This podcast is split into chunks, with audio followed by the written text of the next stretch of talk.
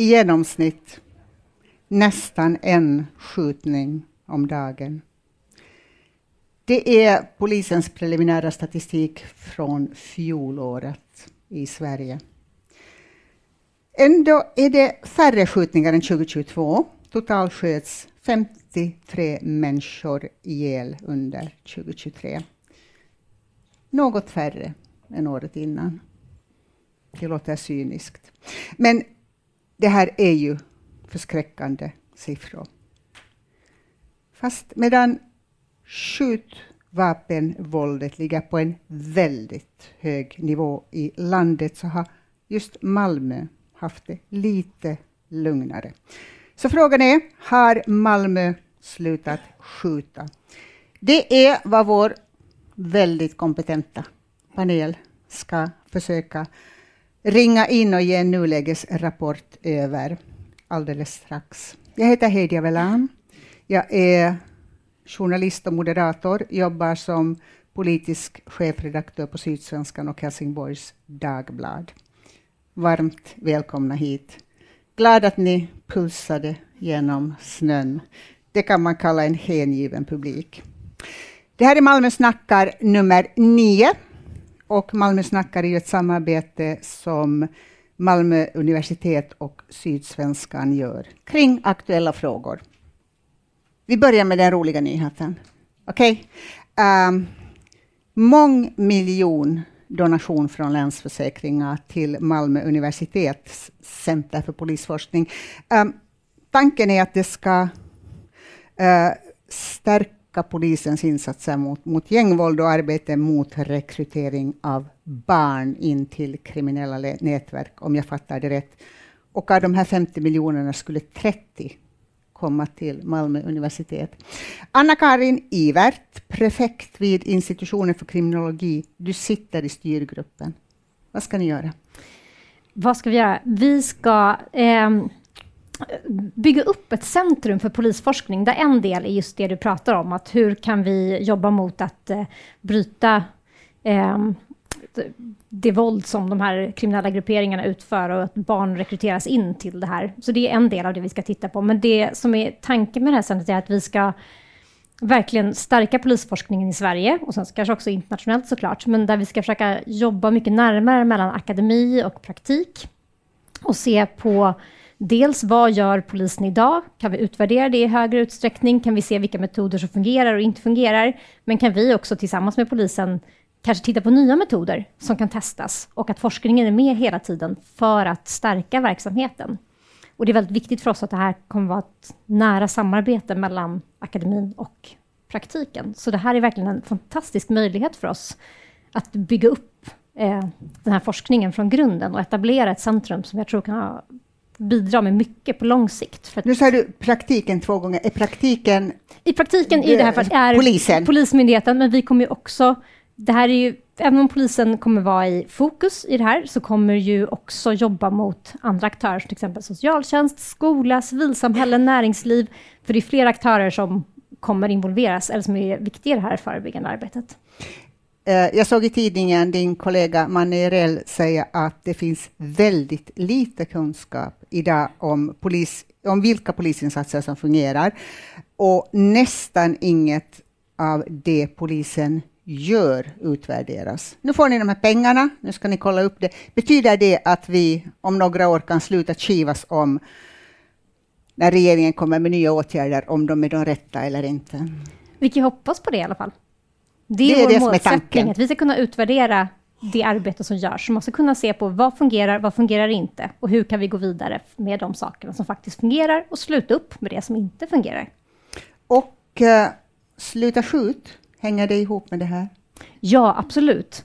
Um, den, en viktig del i det här sättet kommer vara att titta närmare på de strategier som bygger på fokuserad avskräckning, precis som Sluta skjut gör. Och den här Group Violence Intervention, den strategin, där man väljer att rikta in sig på det fåtal våldsamma grupper som faktiskt är de som driver våldet i, i samhället. Så det kommer vara en central del att, att jobba vidare med. Och det här har vi någonting som redan finns, som vi kan bygga vidare på. Så det är en väldigt bra start för det här centrumet. Och det här var en väldigt bra start. Nu tycker jag vi talar om Sluta skjut. Eh, Malmö har alltså haft färre skjutningar eh, sen det här projektet inleddes. Um, det visar en utvärdering som ni har gjort på, uh, för, för Brå. Uh, berätta, vad kom ni till? Eh, vi har ju följt det här arbetet med Sluta skjut sedan det började i princip. Det initiativen, första initiativen tog 20, togs 2017, sen drog det igång 2018. Så vi har ju följt utvecklingen från 2017, 2018 någonstans fram till slutet av 2022. Och det vi kom fram till är är att eh, efter, sen man började jobba med Sluta skjut i Malmö, så har skjutningarna legat på en lägre nivå än vad de gjorde innan. Eh, vi kan också se att utvecklingen har varit mer positiv i i Malmö än vad den varit till exempel i Stockholm eller övriga delar av Region Syd. Däremot så följer utvecklingen i Malmö ganska väl den utveckling vi har sett i Göteborg till exempel. Ehm, vi kan också se att andelen som eh, dör eller skadas i skjutningar har, ligger på en lägre nivå idag än vad det gjorde 2017. Och kan ni se om det är slumpen eller sluta skjut? Det är väldigt svårt. Nu kommer jag ju som forskare och säga att det är jättesvårt för det är svårt att veta exakt vad det är som... Vad är din känsla? min känsla? Forskare här känslor. Ja, det, min känsla är att det är någonting som fungerar i Malmö. Någonting har varit bra. Jag kan ju också se... Vi kan titta på konkreta siffror, så här ser det ut med skjutningar och då kan vi antingen bevisa eller inte bevisa att det är ifall det slutar Det är svårt att göra det. Men däremot så har vi också följt själva arbetet väldigt nära. Och det vi också sett under de här åren, det är ju sett hur hur polisens arbete, hur samarbetet mellan polis, socialtjänst, frivård har utvecklats otroligt mycket under de här åren. Och där är ju min absoluta känsla att det är någonting positivt, för man har hittat helt nya sätt att arbeta på, som jag, min mening är att de sätten, nya samarbetsformerna man har hittat, är viktiga för att förebygga det grova våldet i samhället. Och också, tror jag, våld brott på liksom en tidigare nivå innan det eskalerar så långt. För man har blivit bättre på att hitta sätt man kan samarbeta kring de här individerna som antingen redan är involverade i det här eller riskerar att bli involverade i det i ett längre perspektiv. Och ni kommer att fortsätta att eh, studera Sluta skjut? Ja, nu när vi har fått den här, nu har vi verkligen fått de ekonomiska möjligheterna att kunna fortsätta göra det, så det känns jättekul. Vi ska också tillägga att Sluta skjut var den första implementeringen av GVI i Sverige. Man har gjort det på ett antal andra orter i Sverige också. Sen dess. Och där är också, det pågår forskning där och vi kommer också kunna ha möjlighet att följa utvecklingen på de orterna. För det kommer ju kunna eh, säga oss mer om det här är en strategi som fungerar eller inte. För vi ser en positiv utveckling i Malmö, men det är svårt att vid säkerhet säga att det beror på mm. arbetet med GVI i Sluta skjut. Men om vi kan se liknande utveckling på fler orter, där man också jobbar på samma sätt, så stärker det ju, skulle det kunna stärka att det faktiskt är den här strategin som fungerar. Och har ni redan kunnat jämföra olika orter? Nej, vi är inte, inte på, eh, är inte kunnat titta på effekterna på de orterna än. Det är inte klart, de har inte jobbat så pass länge, men det kommer komma längre fram. Och ifall det inte ser samma utveckling där, nej, men då kanske vi ska se på vad har man gjort i Malmö då, som man inte gjort där. Men det är, eh, det blir mycket bättre förutsättningar för att kunna uttala sig om en strategi fungerar eller inte, ifall den implementeras på fler platser. Och man ser hur hur utvecklingen ser ut på de här olika platserna. Bra, tack Anna-Karin. Uh, eh, Martin, Martin Nyman, praktiken eller polisinspektör i Malmö, för att vara exakt. Uh, hur märker ni polisen av Sluta skjut? Ja, men, eh, först och främst tack för att få vara här ikväll eh, och prata om detta. Men eh, vi ser stora fördelar, lite grann som Anna-Karin är inne på här. Framförallt är det ju samarbetet med socialtjänst och eh, frivården som har gett oss eh, som myndigheter tillsammans eh, nya möjligheter att eh, samverka och i många delar kunna förebygga eh, våldet. Vi har en bättre kartläggning för att vi får in eh, input från olika perspektiv Eh, och vi kan också hjälpa frivården med vad deras klienter egentligen gör genom att eh, vi kan dela information om det helt enkelt, om vi har sett dem på gatan eller inte. Liksom. Och tidigare har de bara kunnat gå på vad klienterna säger själva, att de kanske sitter hemma, eh, vilket de inte alltid gör. Så det är väl en av de stora fördelarna. Sen upplever jag också att alla, eh, pratar jag för polisen då, eh, har, inom vår verksamhet har ju blivit lite mer Eh, Eh, uppmärksamma, eh, framförallt de senaste åren, på yngre individer. Eh, de bidrar till vår kartläggning genom att rapportera in genom tips och underrättelser om vem som umgås med vem och så vidare. Våra områdesgrupper är oerhört viktiga i detta. Att vi kan vara ute i områdena, jobba nära, känna befolkningen i områdena, veta vem som är god och vem som är ond, vem som håller på med våldet. Eh, som Anna-Karin också sa, det är en väldigt liten del av invånarna i en stad som står för det grova våldet. Vad är det svåraste när ni är ute i områdena? Det svåraste upplever jag är ju att eh, men dels få folk att eh, berätta eh, vem det är som står för våldet. Att vi får in de indikationerna i tid så att vi kan verkligen jobba förebyggande. Sluta skjuta är ju en förebyggande metod eh, i grund och botten och det är ju där vi vill hamna. Vi vill ju inte ha som det såg ut 2017, 2018 med den nivån på våldet. Liksom. Så att, eh, och nu med de unga så ser vi också då ett problem med lagstiftning, med sekretessdelning mellan myndigheter och sånt. Där är vi inte framme på samma sätt som vi har med de som är lite äldre.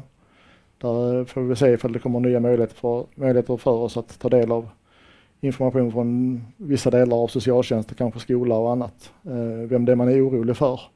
Det eh, finns ganska ofta Eh, indikationer tidigt på vem det är som kommer att begå de här brotten. Nu sa du sekretessdelning för, och då är det vuxna du talade om. Vilka sådana här åtgärder upplever ni eh, i praktiken har varit bra och viktiga? Nu tänker jag inte sluta skjuta som helt projekt, utan det kommer, vi har senast idag hört statsministern berätta hur det en gång i månaden kommer det att droppa in nya repressiva åtgärder. Vad, vad är det ni vill ha? Vad behöver ni och vad har varit bra hittills? Men det jag upplever som har, varit bra är ju eh, till exempel att frivården fick möjlighet att vistelsebegränsa eh, sina klienter. Att säga att under tiden som ni har övervakning efter att ha avtjänat fängelse till exempel så får ni inte leva i ett visst område under en viss tid. Då kan vi tillsammans med frivården sitta och fundera på var är det dåligt att den här individen är ur ett våldsperspektiv? Eh, var löper personen risk att antingen drabbas av ett våldsdåd eller utsätta andra för ett våldsdåd? Och då kan frivården vistelsebegränsa dem i vissa områden. Och det har vi gjort, inte vi, utan det har frivården gjort. Eh, och det vi har sett av det är väldigt god efterlevnad. Man har inte varit i de områdena efter det, eh, vilket är positivt. Hörni, 53 dödade i vapenvåld i Sverige i fjol. Uh, om, det är möjligt att siffrorna justerats i någon riktning där, men i storleksklassen det. Och så ser vi att det har varit färre i Malmö än tidigare. Finns det någon nivå här som man kunde säga, ja men det där är, nu är vi på normal nivå. Uh, utom naturligtvis det uppenbara att det vore bra om, om ingen sköts. Men hur tänker ni polisen? När känner ni att, att det är alarmerande och när är det mera, ja, ja, så här är det? Men det, det, enkla svaret där är också det tråkiga svaret, det är att det är noll som, mm. som gäller. Uh, vi kan inte vara nöjda med att någon uh, Nej, dör, kan man, man kan inte vara nöjd med det, men man kan ha en uh, känsla för liksom, nu går det åt ett knashåll, eller nu är det lite bättre. För, förra året hade vi en död i skjutvapenvåld i Malmö. Uh, det är den lägsta siffran sedan 2013 när vi hade noll. Eh, efter 2013 har vi aldrig haft så lågt som en. Eh, vi har haft två några år. Vi hade också 12 2018. Vi har tre år med sju stycken mördade och vi har ett par år med fem stycken mördade. Så i det perspektivet är såklart en mördad eh, bättre än de andra. Men fortfarande så är det ju en människa som har mist sitt liv. Vi hade också förra året fler skadade än vad vi har haft 2022 till exempel. Vilket ju är då eh, en, en tillfällig nedgång som vi ser det. Eh, vi tror på den här metoden vi upplever att den överlag har gett oss väldigt bra resultat, lite grann som Anna-Karin var inne på. Det kan man se om man jämför med till exempel resten av Region eh, Syd som vi då jobbar tätt med också, att där har ju våldet ökat på ett annat sätt än vad det har gjort i Malmö. Men, men nöjda är vi inte förrän vi har noll. Det är som nollvisionen i trafiken. Ingen ska behöva dö för att man färdas i trafiken, men där är vi inte. Var kommer vapnen ifrån och hur blir man av med dem? En del är väl att eh, stärka gränsskyddet och stärka tullens möjligheter. Mycket kommer utifrån, eh, så är det. Eh, en del av vapnen som tas in är ju pluggade vapen som sen görs om här i Sverige. Det pratas en hel del om, eller en hel del, men det pratas lite grann om 3D-printade vapen. Det finns, det ser vi inte riktigt i den kriminella miljön, inte här nere i alla fall. Kan inte riktigt svara på hur det ser ut i landet. Men här nere har vi inte sett det på det sättet. Det ni ser här nere, är det sånt som har kommit över bron, pluggat eller opluggat? Ja, det skulle jag säga. Så är det tullen vi ska titta på nu? Ska man ha en bättre, ett tätare såll vid bron eller? Vi har ett nära samarbete med, med tullen och, och, vi jobbar ganska tajt ihop såklart. Ju. Eh, men eh, gränsen är ju deras ansvar och det är bara att ställa sig vid bron och titta på hur mycket bilar som kör in så förstår man också vilket oerhört svårt uppdrag det är. Ett eh, handeldvapen, en pistol eller en revolver är inte speciellt stor. Kan gömmas på hur många ställen som helst i en ja, bil eller lastbil eller buss. Det låter lite tröstlöst. Det var inte meningen, men så är det. Eh, Martin, en sak till som jag, jag funderar över. Då är det färre skjutningar och eh, fantastiskt då färre som har skjutits ihjäl. Däremot så hör vi ju väldigt mycket om sprängningar. Har det gått över? Ha, har man bytt eh, modus operandi här? Är det, vad är det som har hänt? Så 2017, 2018 hade vi drygt, eh, om jag nu minns rätt där i huvudet, eh, 55 sprängningar eller något sånt. Vi hade mer än en i veckan i alla fall i, i genomsnitt. I Malmö? Mm. I Malmö. Mm. Det ska vi inte glömma. Eh, vi har fortfarande alldeles för mycket sprängningar. Många eh, sprängningar ska man också ha klart för sig görs idag av kraftiga fyrverkerier eller motsvarande. Så att det är inte bomber eller handgranater eller sprängdeg. Men det förekommer. Eh, Vad menar du att det var inte tänkt att det skulle vara en sprängning utan jo, man kunde, det, det, det, det är tänkt, tänkt att vara? Men, okay. men jag tänker definitionsmässigt så är det också viktigt vad det är vi pratar om. Det är en viss skillnad om man använder en eh, K8 till exempel som är en kraftig fyrverkeripjäs med, med ganska mycket krut i den. Den är ju väldigt farlig på nära håll, den kan döda människor, den kan orsaka stora skador. Men det är stor skillnad därifrån till om man använder till exempel militär sprängdeg eller någonting annat. Eh, men alla de här sprängningarna är ju såklart eh, för många, men, för, men vi hade eh, under 10 förra året eh, som är gjort med sprängdeg eller handgranater. Till skillnad för då drygt fem år sedan när vi hade över 50. Så trenden menar du är rätt? Den, den är nedåtgående för, för stunden. Sen som sagt har vi haft här i närtid ett par våldsdåd både i Malmö och i regionen som är kraftiga sprängningar och vi har sett även i landet. Eh, väldigt kraftiga sprängningar med stora skador på eh, flerfamiljshus och så vidare. Och det är ju inte acceptabelt på något sätt utan precis som med skjutningar så måste det ner. Tack. Joakim Palmqvist. Åh herregud. Ja. Åh herregud. Reporter på Sydsvenskan. Uh, och har länge jobbat med krimfrågor. Du mm. gör en massa annat också kan jag vittna om som befinner mig i huset. Men, um, utvärderingen som, som Anna-Karin Ivert talade om, alltså den visar kanske inte exakt att det är sluta skjut som hjälper. Uh, kan det ha varit något annat istället, men du måste ändå ha funderat över vad hade hänt utan sluta skjut? Nu får ja. du spekulera. Ja, men precis. Det är väl egentligen så man ska ställa frågan vad hade hänt om inte den hade funnits där. Utveck eller en liten uh, komplikation här. Under åren från början på 90-talet när mc-gängen systematiserar brottsligheten i det här gänget och sätter ett exempel som påföljande vågor av kriminella har följt.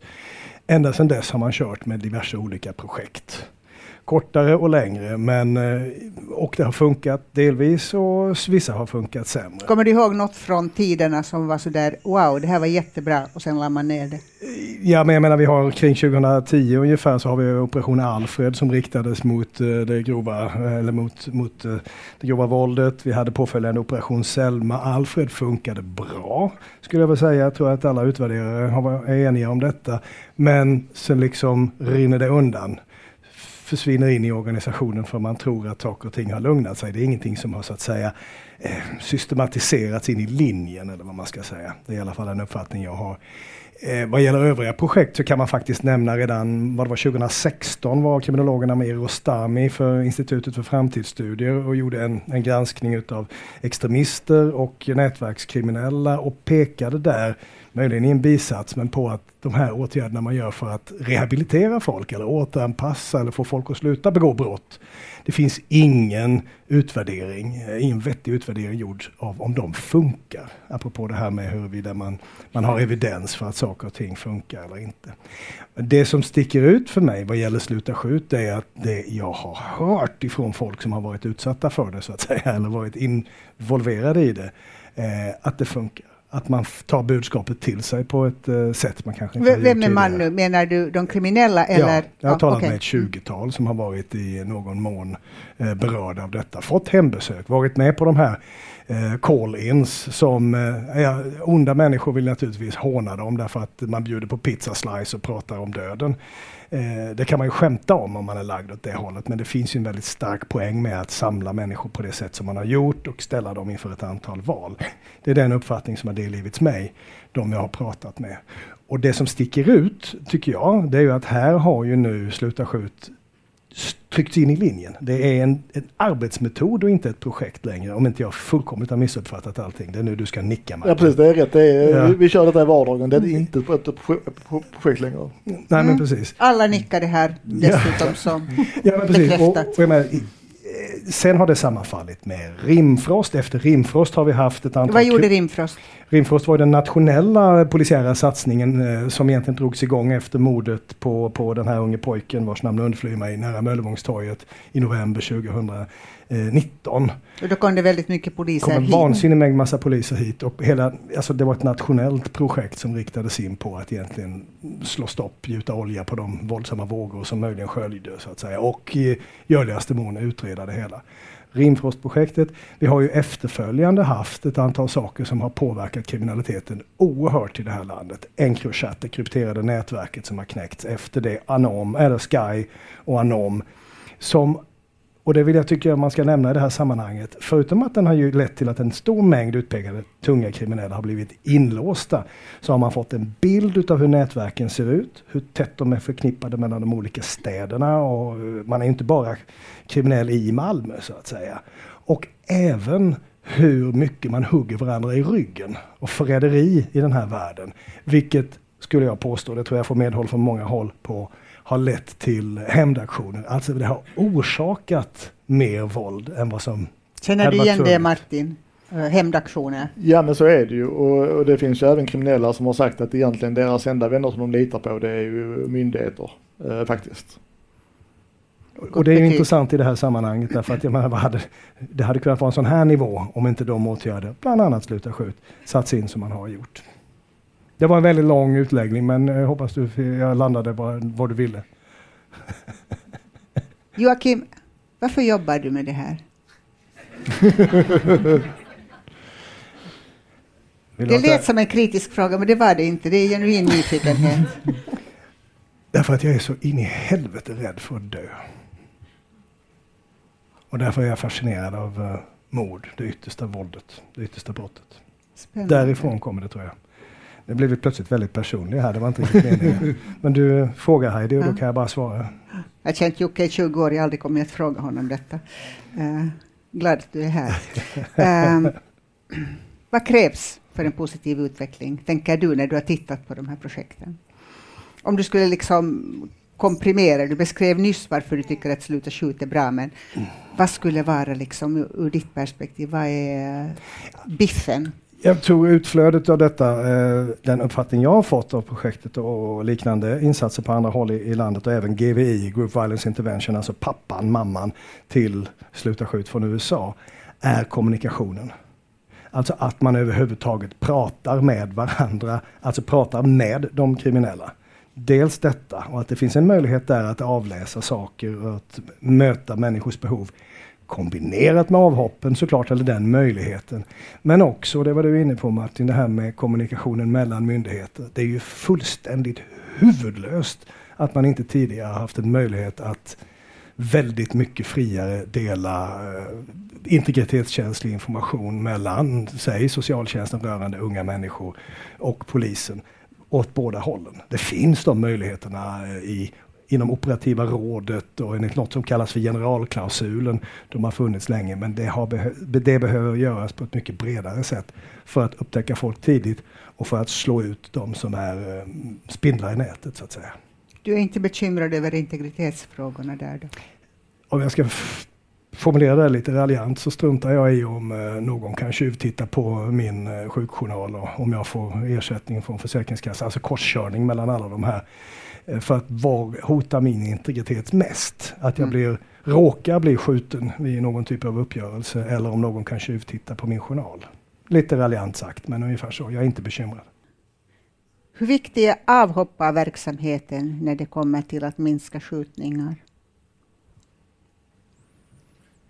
Jag tänker att det är en Eh, fråga för Anna. Jag tänker att det kan bli en ganska bra ingång. Det är en bra ingång, ja. Mm. För intill mig här sitter Anna Kostovic som eh, Malmö konsultationsteam har vi det som rubrik. Du har varit kommunens projektledare i Sluta skjut och där försvinner min bild. Um, hur gjorde ni i, när du jobbade som projektledare för kommunen? Va, vad var det ni gjorde? Mm. Vi fick lång tid när eh, GVI som, som strategin heter som Sluta skjut jobbar med kom till Malmö så fick vi lång tid på oss att plugga in det hela.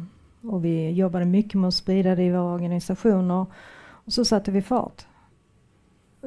Och, liksom höll oss till strategin och satte fart. Jag tycker det är mitt eh, bästa tips till andra kommuner som ska börja att man får sätta igång och jobba och sen så kommer det problem som man löser på vägen. Vi har följt strategin eh, till punkt och pricka för att kunna utvärdera också. Och då, liksom eftersom det här är en strategi som ska med, med grupptryck liksom vända utvecklingen, att de kriminella själva säger till varandra. Vi får alla möjliga efter oss om vi fortsätter med just det grova våldet. Så vi får hitta andra lösningar. Så att den ska ju kunna vara hållbar oavsett um, andelen vapen som kommer in i landet och sådär. Det är en jätteintressant strategi. Uh, och vi satte igång med våra call som är de här stora mötena som Joakim pratade om. Och Custom Notification. Och det är en sån grund i, i strategin att man kommunicerar med de kriminella och säger att vi vill inte du ska dö, vi vill inte du ska döda någon. Och vi vill eh, hjälpa dig om du vill ha hjälp. Så avhopparverksamheten eller de sociala insatserna som man frågar efter här i Sluta skjut de är, viktiga, de är viktiga att de finns därför att man lovar att ge den hjälpen. Men de är också väldigt viktiga i själva budskapet. Därför att man, man säger om, om ni inte slutar skjuta eller spränga eller det grova våldet så kommer vi att sätta in fullt fokus mot inte bara den som har gjort det utan dens grupp. Men om ni vill ha hjälp så har vi det här. Så budskapet blir helt om man tar det till sig, eller hur? Som vilken ja, vilket budskap som helst. Där är en, en är det det bit. som är nyckeln in? Alltså hur, mm hur når man den andra människans hjärna, hjärta, verklighet? Ja, enligt den här strategin så är det så man gör. Man kommunicerar innan våldet händer, man berättar vad, som, vad konsekvenserna kommer att bli och man säger att det kommer att drabba dina kompisar också, de du umgås med. Det kommer att drabba alla. Eh, de här, det här fokuset från polis och andra myndigheter. Och det ska då göra att man använder andra, alltså det finns ju det, det finns ju andra länder där man inte skjuter så här mycket. Mm. Och det finns kriminalitet och droger där med. Och då, och då, då borde man kunna komma åt det genom det här omvända grupptrycket på något vis. Mm. Uh, under det senaste halvåret ser du att du har varit civilsamhälleskoordinator. Vad gör ja. man då? Ja, civilsamhället, alltså um, Eh, de här, alltså, GVI står på samarbetet mellan kriminalvården och då är det frivården i Malmö och eh, kommunen och det är med socialtjänsten och sen polisen då och sen är det fjärde benet det är civilsamhället. Alltså föreningar, trossamfund, folket. Som behöver, vad man gör är att man försöker stötta alla initiativ eller försöker hjälpa till att bygga motstånd. Och att folk eh, det är väldigt viktigt att inte peka ut ett område, men ett område som har problem med skjutningar eller där bor många där som skjuter. Där är det en sån pytteliten del som gör det. Så alla de andra människorna där, vi behöver dem för att hjälpa oss att stoppa skjutningar. För ideologin i Sluta skjut är att de som står de här killarna och tjejerna när, eh, nära är bättre på att få dem att lägga ner vapnen än vad myndigheter är. Bättre alltså.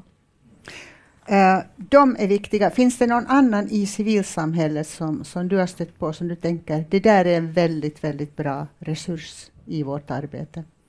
Ja. Och det? Ja, men, jag, då, alltså jag kan ju inte säga det, det är taskigt mot de andra. Alltså det, det är många. det, det, är många. Det är många Äsch, ingen, det är knappt någon som hör det, då tänker inte berätta. det, är många, det är många som är med i det här i, i civilsamhällesarbete, Sluta skjut. Många trossamfund. Vi har en jag menar, Anna, om jag skulle fråga dig mm. nu, vem är riktigt kass? Det skulle ju vara lite taskigt kanske, men Jaha. någon som sticker ut och är riktigt, riktigt... Eller som du blev mest förvånad över att det funkade bra? I civilsamhället? Mm. Jag, jag, vill inte säga någon, men, eh, men alltså eh, eh, trosam, många trossamfund och eh, vi har eh, imamer som talar på vårt Korlin och vi har många av dem som också, vi har gjort ett brev man skriver och man ger till de här killarna när man träffar dem att eh, att man kan vända sig till trossamfunden, att det är folk där som kommer att ta emot en speciellt. Vi har sportföreningar som tar emot en speciellt. Det finns ett par olika föreningar i Malmö som jobbar speciellt med med eh, kriminella personer och försöker hjälpa dem på olika vis. Jag ska strax komma tillbaka till mm. dig, men eh, Anna-Karin, det kommer en fråga, kommer fler att våga följa Malmös initiativ med till exempel Sluta skjut, eller står Malmö själv i den här kampen? Jag tycker att du redan var inne på det, men säg. Ja, eh, idag så jobbar man ju med eh, den här strategin i eh, även i Örebro, Göteborg, två kommuner i eh, Stockholmsområdet, eller tre är det väl egentligen, eh, och eh, Uppsala. Så det är flera, flera andra kommuner som också har gått in i det här. Redan på gång? Ja, precis. De har kommit olika långt. Ehm, och det är ju jättespännande att se på, för som Anna var inne på, att i Malmö har man varit extremt mån om att följa strategin väldigt noga, just för att den ska kunna utvärderas. Och det är också spännande att se på hur de andra orterna, hur det fungerar där. Gör man på samma sätt? Eller gör man lite andra lösningar? Um, men det finns absolut andra kommuner som har gått efter Malmö och också velat uh, prova på det här.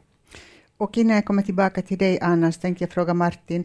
Tidigare har en av anledningarna till att Malmös skjutningar blivit färre, enligt polisen vill jag minnas, skriver publikfrågaren, eh, uh, är att de mest skjutbenägna, farliga, sitter inspärrade och inte kan skjuta. Stämmer det? Stämmer den vi har ju de senaste åren haft väldiga framgångar med våra utredningar och eh, många av de som tidigare har ansetts vara lite ledande och mest våldsamma har frihetsberövats eh, både i Malmö och resten av Sverige och i vissa fall även utomlands och sen överförts till eh, Sverige. Det, som, det problemet som det kan skapa är att det blir ett litet vakuum. Andra människor vill ta över de här positionerna för det är inte så att det blir inte Problemet liksom bra och försvinner bara för att man, mm. man tar uh, den som utför eller den som är högst upp så att säga. Vi har sett under det senaste året bland annat hur oerhört snabbt det har eskalerat ner i åldrarna på de som både utför och de som uh, mördas. Vi har ju alltså flera stycken under 15 som både är mördade och mördare. Eh, tidigare brukade man säga att personrån eller rån, att råna en människa ute på gatan var en inkörsport till det grova våldet. För att om man saknade den spärren att hota eller använda våld på en man inte kände för att komma över några hundralappar eller en telefon, då saknade man också spärren för att inte skjuta någon. För 6, 7, 8 år sedan så väldigt många av dem som vi vet då har begått skjutvapenvåld har någon gång i sin ungdom, ofta mellan 14 och 16, också sysslat med personrån. Idag går man från att vara okänd till att skjuta någon man hoppar över rånet. Man kanske gör det, det också. Men vi ser inte det. Eh, vilket är ju oroväckande att 14-åringar går omkring och skjuter folk. Det betyder att ni också som, har... Som det, som det förefaller ganska känslokallt. Ni har sämre chanser att hinna få syn på dem innan de mm. redan Så är det ju då ju. Att, mm. att, eh, om det första man, man gör och första gången man kommer till myndighetens kännedom är att man skjuter någon så, så finns det ju dåliga förutsättningar att hitta dem. Samtidigt så vill jag ju tro att varningssignalerna finns någonstans under de här åren och det var lite grann det jag var inne på tidigare att kanske måste det luckras upp lite grann i sekretesserna att skolor eller socialtjänst måste kunna säga att vi har ingenting konkret runt den här individen men vi upplever en våldsromantik, vi upplever gränslöshet eller motsvarande. Så att vi kanske kan börja titta på i vilket umgänge finns den här individen? Eh, finns det grovt kriminella runt den individen i ett bostadsområde eller i en skola för att hindra den här nyrekryteringen som har gått så otroligt snabbt de senaste åren. Jag tänker att vi ska gå och tala om en stund lite mer om de barnen, men innan det, Anna, vilka är det som får hjälp hos er? Vil- Vilka krav ställs det? Ja, vi har alltså de på avhopparverksamheten som är vägen in till de sociala insatserna i Sluta skjut. Eh, där, där tar vi emot GVI-kartlagda. Jag har inte sagt något om, alltså det finns en kartläggning som är väldigt bra som kartlägger de individer som finns i de våldsdrivande grupperingarna. Och den är så här, där är vilka som har konflikter med vilka och allting sånt. Den, den utgår man ifrån. Och eh, ungefär 40 procent av klienterna på eh, avhopparverksamheten är då GVI-kartlagda. Mm. Eh, de, ja, de, de tre kraven som finns är eh, eh, att man lever i en kriminell kontext, att man har ett, en bekräftad hotbild och att man har motivation.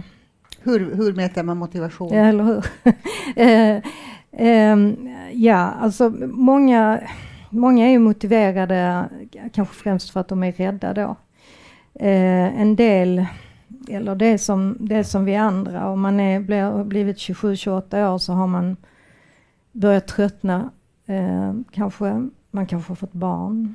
Eh, man, man har olika sorters motivation men man är rädd och man är utbränd på livet.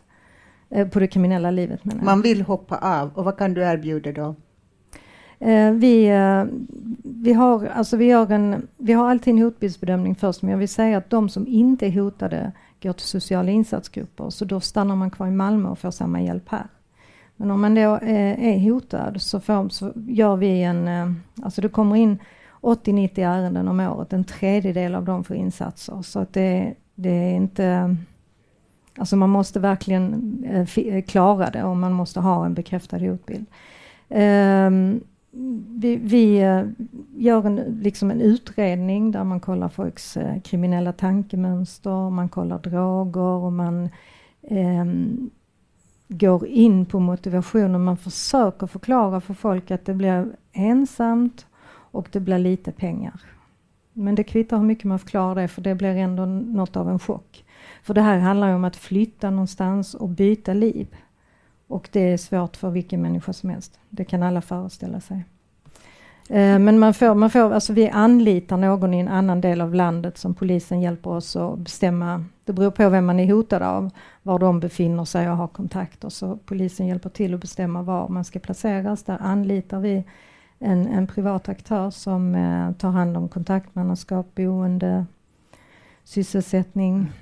Och så får man, eh, man får hjälp med att etablera sig någon annanstans. Och det är ändå jäkligt svårt. Jag, du har färskare Mm. siffror. Jag försökte hit, titta på statistik på det här. Mm, mm. En av fem uh, var det här om året, alltså 20 procents eh, framgång lyckas med sina avhopp. Hur många Ja. lyckas idag? Det är ju... alltså är det den storleksklassen? Ja, ja. 25 till 30 återfaller inte inom ett år. Och då är det GVI-kartlagda och de andra vi har. Då har vi gjort det under några år Mm. så det, det är ett snitt 25 till 30 procent eh, återfaller eh, inte. Och det, alltså det är bra siffror. Mm. För det, är, det är svåra saker och det är viktigt att komma ihåg att det är som, det är som vi alla andra. Liksom, att det är, om man tänker på vittnen till, till eh, grova brott som behöver flytta, vilken, det kan man ju leva sig in i kanske lite bättre och tänka på vilken förändring det skulle Mm. innebära. Kontakt med alla man känner. Och i det här fallet, det finns en kille, vad är det han säger? Han säger eh, att, att, eh, att bryta en kriminell livsstil, att leva ett annat liv, det är väl ingen match. Man behöver bara ändra allting. Mm. Eh, ge, ge oss ett exempel. Du hade... Ja, jag har försökt Någon. skriva ihop en historia som, som är typ en blandning av eh, 30 ärenden kanske. Förstår ni? Det är hotade människor så man måste ju vara noga. Mm. Men eh, vi har skrivit... Är ex- lite kort så, ja, så ja, ja. Och jag får detaljera så du till för det, det händer alltså. Ehm, ja, det är en 27-årig kille som har fått en custom notification. Det betyder att han är kartlagd i Sluta skjut. Vi har alltså en från avhopparverksamheten och en polis har gått hem till honom och pratat med honom, eller två poliser. Pratat med honom, gett honom det här budskapet. Du, vi vill inte du ska dö, vi vill, vill inte du ska döda, men om du... Har ni kommit med en pizzaslice som, som Nej, det är, det är, på- det är på, annat Colin och det är Okej. nu ändrat till vegetariska wraps. Okej, Så alla vet. tack. Eh, och det är för att vi bryter bröd och säger välkommen till oss. Ehm, eh, ja, ehm, han har fått en custom och då är man hemma där och så pratar man om det och då är det, eh, eller i det här fallet och ganska ofta eh, klienter som säger jag har funderat ett, tag på att försöka komma ur det här men har inte vetat hur jag ska göra och då har vi en, en litet, ett litet kort med ett nummer in som är för de som är GVI-kartlagda. Man ringer ett nummer, någon svarar och vet vem man är och gör hjälpen lätt på något vis, lite smidigare. GVI-klienter um, ehm, prioriteras liksom i hela Malmö stad, det är beslut på det. Uh, så han, den här killen har fått en custom notification och um, hör av sig kanske en månad eller två efter, för så blir det också, man behöver tänka och sådär. Då kommer man till avhopparverksamheten och så har man ett besök med en hotbildsbedömning. Så det är en socialarbetare och en polis, eh, våra poliser i konsultationsteamet, eh, som, eh, som då kan bekräfta den här killens hotbild som är hot. Han är hotad av eh, en liten avknoppning inom sitt, sin egen gruppering. Och det kan man då bekräfta med underrättelse och allt vad det är inom polisen. Det är väl det, det, det här nära samarbetet. Vi har mm. startade här 2012. Vi har faktiskt haft det väldigt länge. Det är väldigt viktigt. Eh, och vad det gäller då motivationen, ja han har ett litet barn, ganska nyfött och en flickvän och är sliten av att leva som att man, hela man lever ett liv där man hela tiden gör, kalkylerar risker, och går med väst, kollar sig om axeln och sådär. Och sen hemma har man ett litet barn att ta hand om och en flickvän som kanske tycker att det är dags att, att lägga av. Eh, Så det blir Svenssonlivet attraktivt och man är beredd att betala med du sa att det blir ensamt och lite pengar. Ja, den här killen hade tänkt sig att han skulle bli flyttad tillsammans med sin flickvän och sitt barn. Det, det får man inte riktigt. Utan man får själv åka iväg och etablera sig därför att man kan inte Barn och, och flickvänner kan inte flyttas hit och dit utan man får åka dit, etablera sig själv och sen kan de flytta efter. det blir ensamt man, på riktigt. Ja, det blir det. Men så har man ju det här eh, eh, aktören vi hyr in, de som tar hand om det, som har kontaktpersoner som man träffar varje dag. Man ska så snabbt som möjligt komma i sysselsättning. Det är superviktigt och ofta i eh, Ja, i de flesta städer, de här aktörerna som jobbar med det, de har en massa kontakter. Det är liksom en praktikplats på en liten matbutik eller eh, som i den här killens fall eh, ett vik på hemtjänsten. Alltså, de har kontakter, de, de fixar sånt här, man får ett vik. Det, var, det här var en utåtriktad, social och charmig person och det underlättar för jobb precis som för alla oss andra. Och, eh, och han blev jättepoppis på hemtjänsten för att han var så himla mjuk mot de gamla. Fanns det inga dubier att man slä, någon som vill hoppa av en kriminell livsstil börja jobba i hemtjänsten? Ja, det kanske man kan tänka, men alltså, de, de är, alltså vi, vi kontrollerar, polisen kontrollerar eh, så här en gång i veckan om det, är något, om det händer någonting och den här kontaktpersonen och den aktören som har hand om dem har ju full koll hela tiden. Så hur gick det? Hur går det? Uh, ja, jo, det går bra för honom fortfarande, men jag ville liksom uh, understryka det här berömmet av att vara mjuk person mot de gamla. Det är sånt udda beröm för en sån mm. kille. Förstår Livet är totalt förändrat och plötsligt har han fått beröm för att hon är mjuk och fin mot gamla. Vilket, alltså det är inte helt ovanligt att man, man, uh, man hör det. Men alltså, det, om man tänker alltså flickvänner och, och, barn kan få komma på besök efter ett tag och sådär. Det är ju det är svårt det med. Då ska flickvännen flytta och sen är det hela hennes familj och så är det ett litet barn och så blir det bråk. Det är ingen lätt process. Mm. Jag ska ta lite frågor mm. som har mm. kommit in. Jag tror Martin, vi talar uh, med dig först. Hur kontrollerar man efterlevnaden, efterlevnaden av vistelseförbud i vissa områden? Dels och är det bra med vistelsezon för att de tar med sina problem till de lugna områdena? Uh, och det är där mord och skottlossning sker istället. Det skulle man kunna tro för att normalt sett om vi flyttar på ett problem så eh, försvinner inte det utan det kvarstår någon del i, i det andra. Men här är ju ofta, alltså våldet här är ofta gruppbundet. Och kan du då inte vara med, med din grupp så försvinner också våldsbiten. Eh, vi ska vara tydliga här med att det är inte samma sak som att man kanske eh, slutar begå brott, att man inte kanske sysslar med stölder eller narkotika eller någonting annat. Det kan man mycket väl göra men det vi också har sett och faktiskt fått respons från några av klienterna på frivården som har fått ett vistelseförbud, de säger att de är ganska tacksamma. För att då kan de säga till sina vänner att ni vill ju ha mig ute. Och är jag här så bryter jag vistelseförbudet och då kommer jag få min villkorliga dom förverkad och få sitta i fängelse igen. Alltså kan jag inte vistas här. De får en legal anledning, om vi ska säga så, att inte återgå till sina vänner i det området där våldet sker. Eh, vilket ofta respekteras för att då kan man ju fortfarande träffas eh, inom gruppen fast inte där man brukar göra det. Eh, vi har haft några som har brutit eh, vistelseförbuden men överlag så har de inte gjort det. De kan eh, efterlevas elektroniskt med boja. Eh, några gör det, några gör det inte. Eh, och ofta är det baserat på ren teknikproblem för tillfället att inte det finns tillräckligt det finns många helt boja. enkelt. Det är det vanligaste problemet. Tack. Fråga till hela gruppen. Vad gör Danmark som är bättre? Joakim, har du koll på Danmark och kan säga vad gör de som är bättre? Danmark har ju varit genom åren eh, kända för de olika eh, bandepackerna. Jag ska inte prata mer danska.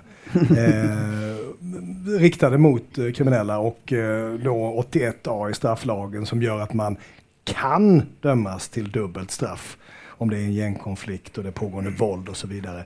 Men det ska naturligtvis bevisas i en tingsrätt och det är ungefär hälften av tillfällena som man faktiskt döms enligt det. Har jag fått berättat för mig. Fan, vad gör Danmark? Alltså en sak som jag tror och upplever gärna glöms bort, eh, särskilt där politiker har varit på besök i Danmark, det är att man har satsat väldigt mycket på förebyggande verksamhet genom åren också. Alltså i över tio år. Eh, och här ska vi komma ihåg, jag vill bara studsa en boll med dig Anna. Det här kostar ju pengar att hoppa av. Allt vi gör här kostar en jävla massa pengar. Eh, ska man verkligen lägga pengar på kriminella? Ja, men det kostar, är det någon som vet hur mycket det kostar? Har, har någon individ inlåst i Mycket, snitt mycket i mer. Sverige? Nej, hur mycket kostar det? Det kostar 3300 kronor i snitt att hålla en människa frihetsberövad ett dygn i ett fängelse i Sverige idag. Säg 6000 fångar. Det är 18-ish miljoner om dagen. Om man kunde ta lite av de pengarna och skicka med fästmön. Liksom, om vi kunde fatta detta, att man kan lägga pengar på någonting som gör att man inte hamnar där så skulle det bli mycket billigare. Sen kan man om man är ondskefull vill gagga om att ja, det är alldeles för dyrt och de borde sitta på vatten och bröd, men det är en annan diskussion. Liksom. Det finns inte jättemånga frågor om det Nej. heller. Tack. Men danskarna, vad danskarna gör är att man har varit oerhört medveten om betydelsen av, eh, av eh, förebyggande arbete jämte den väldigt jämförelsevis hårda repressionen mot utpekade gängkriminella. Och sen har man inom, jag tror det heter NEC, eh, alltså deras underrättelseverksamhet, så klassar man folk som kriminella. Och de har ju bara, eller som gängkriminella, de har ju bara 1800 gängkriminella i landet. Vi har 30 000, säger eh, den som vill argumentera från det, eh, från det hållet. Fel. De där 30 000 är inte 30 000 och det intressanta med de 1800 det är att det är en flytande materia. Det rör sig hela tiden. Man måste argumentera väldigt hårt för att kunna placera in någon som en sån gängkriminell som man kan sätta ja, de allra vassaste åtgärderna på. Lång utläggning som i alla fall säger att de har fattat att det behövs förebyggande Mm. åtgärder och man satsar väldigt hårt på de unga, jag- särskilt nu i det kommande bandepacket. Jag tänker vi ska tala om de unga alldeles strax, men en, jag tror Anna att du kanske har svarat på det, men ändå. Varför kommer de kriminella på call-ins? Vad är deras incitament? Ehm, ja, som jag sa med custom notification hembesöken, det är de som inte kan komma på call-in. Bland annat, vi har också sådana hembesök när det har hänt någonting och sådär. Till call-in kommer man för att man har övervakning. Man är uh, inom frivården. Och det, man måste dit alltså, eller ja, om man, om man missar sina besök på frivården efter man har blivit frigiven från fängelset och så har man en, sin tid inom frivården. Om man missar de besöken så får man en varning och sen får man en varning till och så finns det en stege. Det är samma med call-in. Om man missar ett call-in får man en varning. Så man måste komma dit. Så är det. Samtidigt är inte eh, konsekvensen av att man inte kommer så stor. Så jag tror att den otroligt goda relation frivårdarna har med sina klienter spelar rätt stor roll. De förbereds rätt väl, man berättar väldigt noga vad det är som ska hända på Karlin. Ens egen frivårdare möter upp en där. Och sen vet de ju nu av erfarenhet också att det inte är ett möte där de tvingas skvallra om någonting eller där, där det händer något dåligt. Får jag fråga en grej där bara? För att som jag förstod det på han Kennedy som Mm. inom citationstecken uppfann metoden och drev igenom den i USA. Så har amerikansk polis i de här eh, i Collins större möjligheter att tvinga dit de kriminella eller de utpekade. Men här har man ju enbart frivårdens eh, övervakningstryck.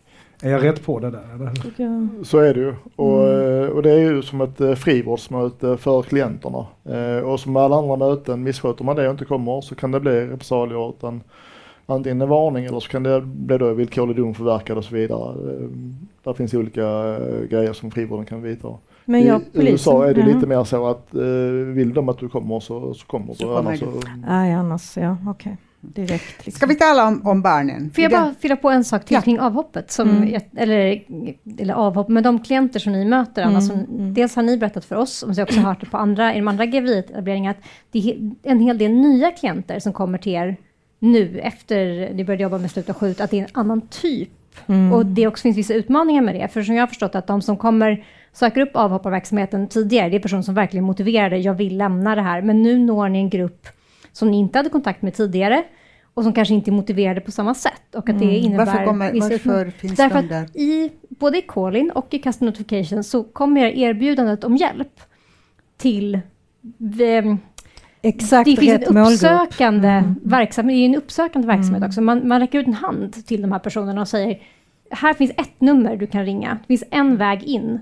Och då fångar man förmodligen personer som inte själv skulle börjat kolla upp, finns det ett avhopparteam, hur ska det här känna, vill jag verkligen alltså, tänka på att man ska bli ensam Mm. och fattig, utan att här är tröskeln mycket mindre och det kanske bara är ett samtal eller någonting, men att det som jag har förstått det så möter ni andra grupper som ni inte hade någon kontakt med. Ja, Anna? ja, så uppsökande arbete bland grovt kriminella är inte så lätt. Liksom. Men här har vi att för polisen tar med oss på detta.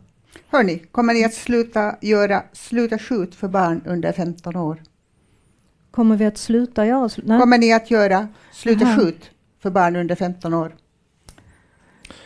Där finns ju problem med lagstiftningen vad vi får Mm. lov att göra, göra och inte får lov att göra eh, med olika åldersklasser. Nu har vi hittat ett sätt att nå folk under 18 vilket man kan tycka att vi borde ha ganska enkelt att göra men eh, det, det har vi inte så länge det handlar om ren frivillighet och då ska föräldrars eh, samtycke finnas med Mm. och det kan tyckas konstigt också men det finns inte alltid föräldrars samtycke till att vi ska prata med dem varken från polisens sida eller socialtjänstens sida. Mm. Ska vi tala om man de här inte, barnen? säger- om man inte är Mm. straffmyndig så kan man ju Så- inte komma och säga till en person om, om du eller någon i din gruppering gör, begår något grovt våld så kommer polisen efter dig. Mm. Alltså, det, Så svaret är nej. nej, Äh, men vi gör ju andra saker då. Liksom. Precis. Mm, Idag så ser vi barn som de kanske lockas av gangsterromantik, de kanske har det tråkigt, de behöver pengar, de dras in i kriminalitet av äldre, äldre ungdomar i sin omgivning. De rekryteras för att springa ärenden för kriminella eller uh, förvara vapen, sälja droger. Och så har vi sett barn utför beställningsmord. Martin, vad, vad är det ni ser där ute idag? Ja, men det vi har sett de senaste åren är ju framförallt att våldet har gått ner väldigt mycket i åldrar. Eh, det handlar delvis om, eh, tror jag i alla fall, att det handlar om att eh, är man under eh, 18 år så kan man inte dömas eh, till livstidsfängelse till exempel. Eh, många pratar om att man ska brösta en fyra, att man får fyra års eh, sluten ungdomsvård som maxstraff om man är 15-16 år till exempel.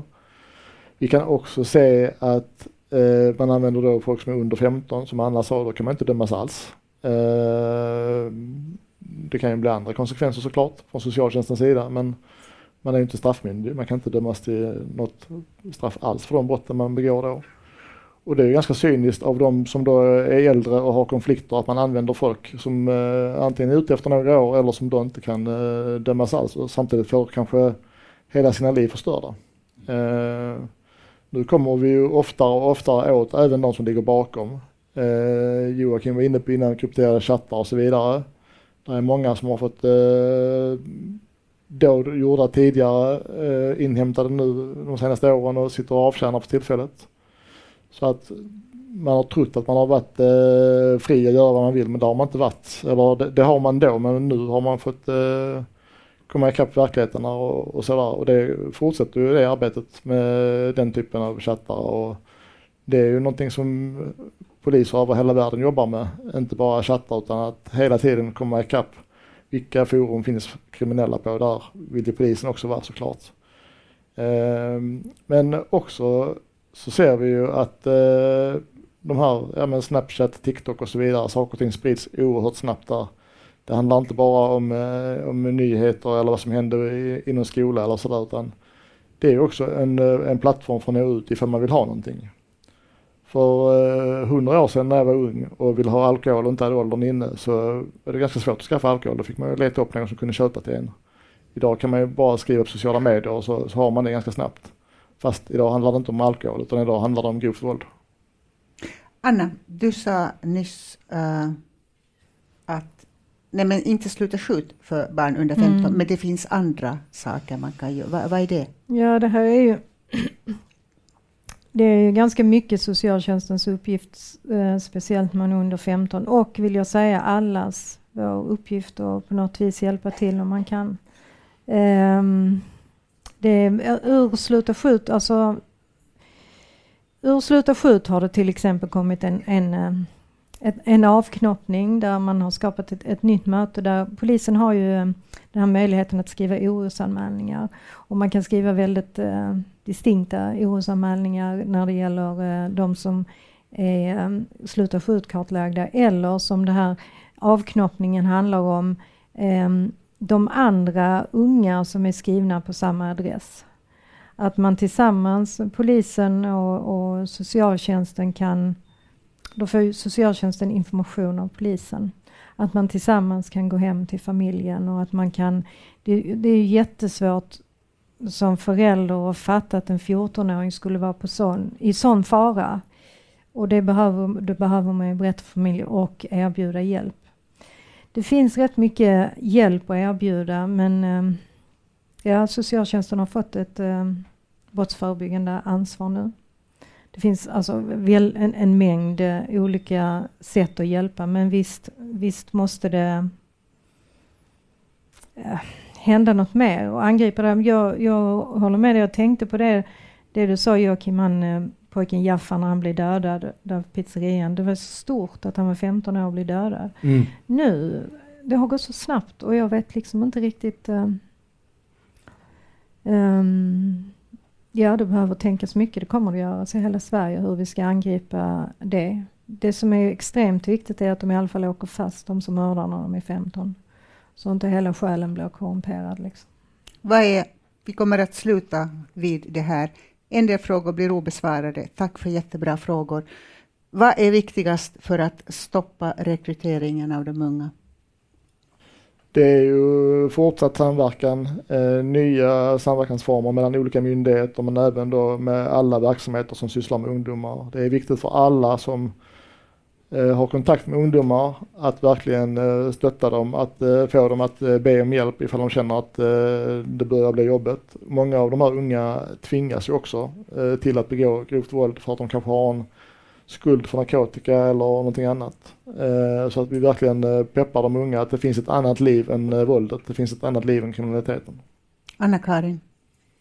Ja, jag tänker att det är väldigt viktigt som forskare att annat sätt. Det finns många saker vi kan göra, det finns många verktyg och så, men som min upplevelse är att det finns kanske för många verktyg, för många metoder och vi har väldigt dålig kunskap om vilka som faktiskt fungerar. För många av de här personerna som är här idag, de kanske varit på polisens radar tidigare, men de har förmodligen någon annan har sett dem och man kan sätta in någon typ av åtgärd, men det har uppenbarligen inte fungerat. Så vi måste gå till botten med att titta på vilka metoder kan faktiskt få de här ungdomarna att inte utveckla det här bete beteendet från början, att inte se det här som en alternativ väg att gå. Och vi måste också se hur vi kan påverka de miljöer där barnen är, så att de är tydliga och markerar och kan stötta upp de här barnen. Och det, kommer, det krävs forskning, krävs kunskap, det krävs resurser, som du var inne på tidigare. Det kommer kosta pengar och de pengarna måste fördelas på väldigt många olika aktörer i samhället. Och då skickar jag in en fråga som kom in. Vilka risker finns det med sluta skjut som metod? Vilka risker finns det? Hur kan vi förebygga dem? Har ni kommit Oj. så långt i grävandet? Eh, nej, vilka risker det finns med metoden, det skulle vara då ifall man helt riktar in sig på fel individer, men jag ser inte att det finns några risker med metoden på det sättet att man Nej, jag har svårt att identifiera. Om man säger om, om ni skjuter och spränger så kommer vi att sätta in konsekvenser mot er. Och struntar i att göra det. Det, ja, men precis, det, det, det, är men det är liksom det, men det är inte själva lång, tanke långt borta. Det får man inte följer strategin. Nej, det finns ja, ju stora risker ja, med. Mm. Absolut. Men. Sista ordet går till dig Joakim. Hur ska vi få ungarna att hållas borta från eländet? Alltså man blir inte kriminell därför att man är dåligt pottränad eller kommer från Aleppo eller Skövde eller London eller vit, grön, blå eller svart. Man blir eh, kriminell därför att man väljer att bli kriminell. Och det gör man i upplevd frånvaro av andra val. Den upplevelsen, precis som Martin säger, måste vi komma åt. Jag har inget bättre svar än så, det är lite svepande kanske. Men man väljer det och det valet måste påverkas på ett annat sätt än vad vi har gjort hittills. Och jag kan säga många frågor här handlar om samhället måste ställa upp brett. Det behövs mer resurser. Det behövs bättre områden att växa upp i. Jag tog de frågorna som retoriska. Det kanske de inte var avsedda för. Med det, tack Joakim Palmqvist. Tack Anna-Karin Ivert, Martin Nyman och Anna Kostovic för att ni kom och var kloka. Tack till er som kom och brydde er och ställde en massa kloka frågor. Med det är vi klara.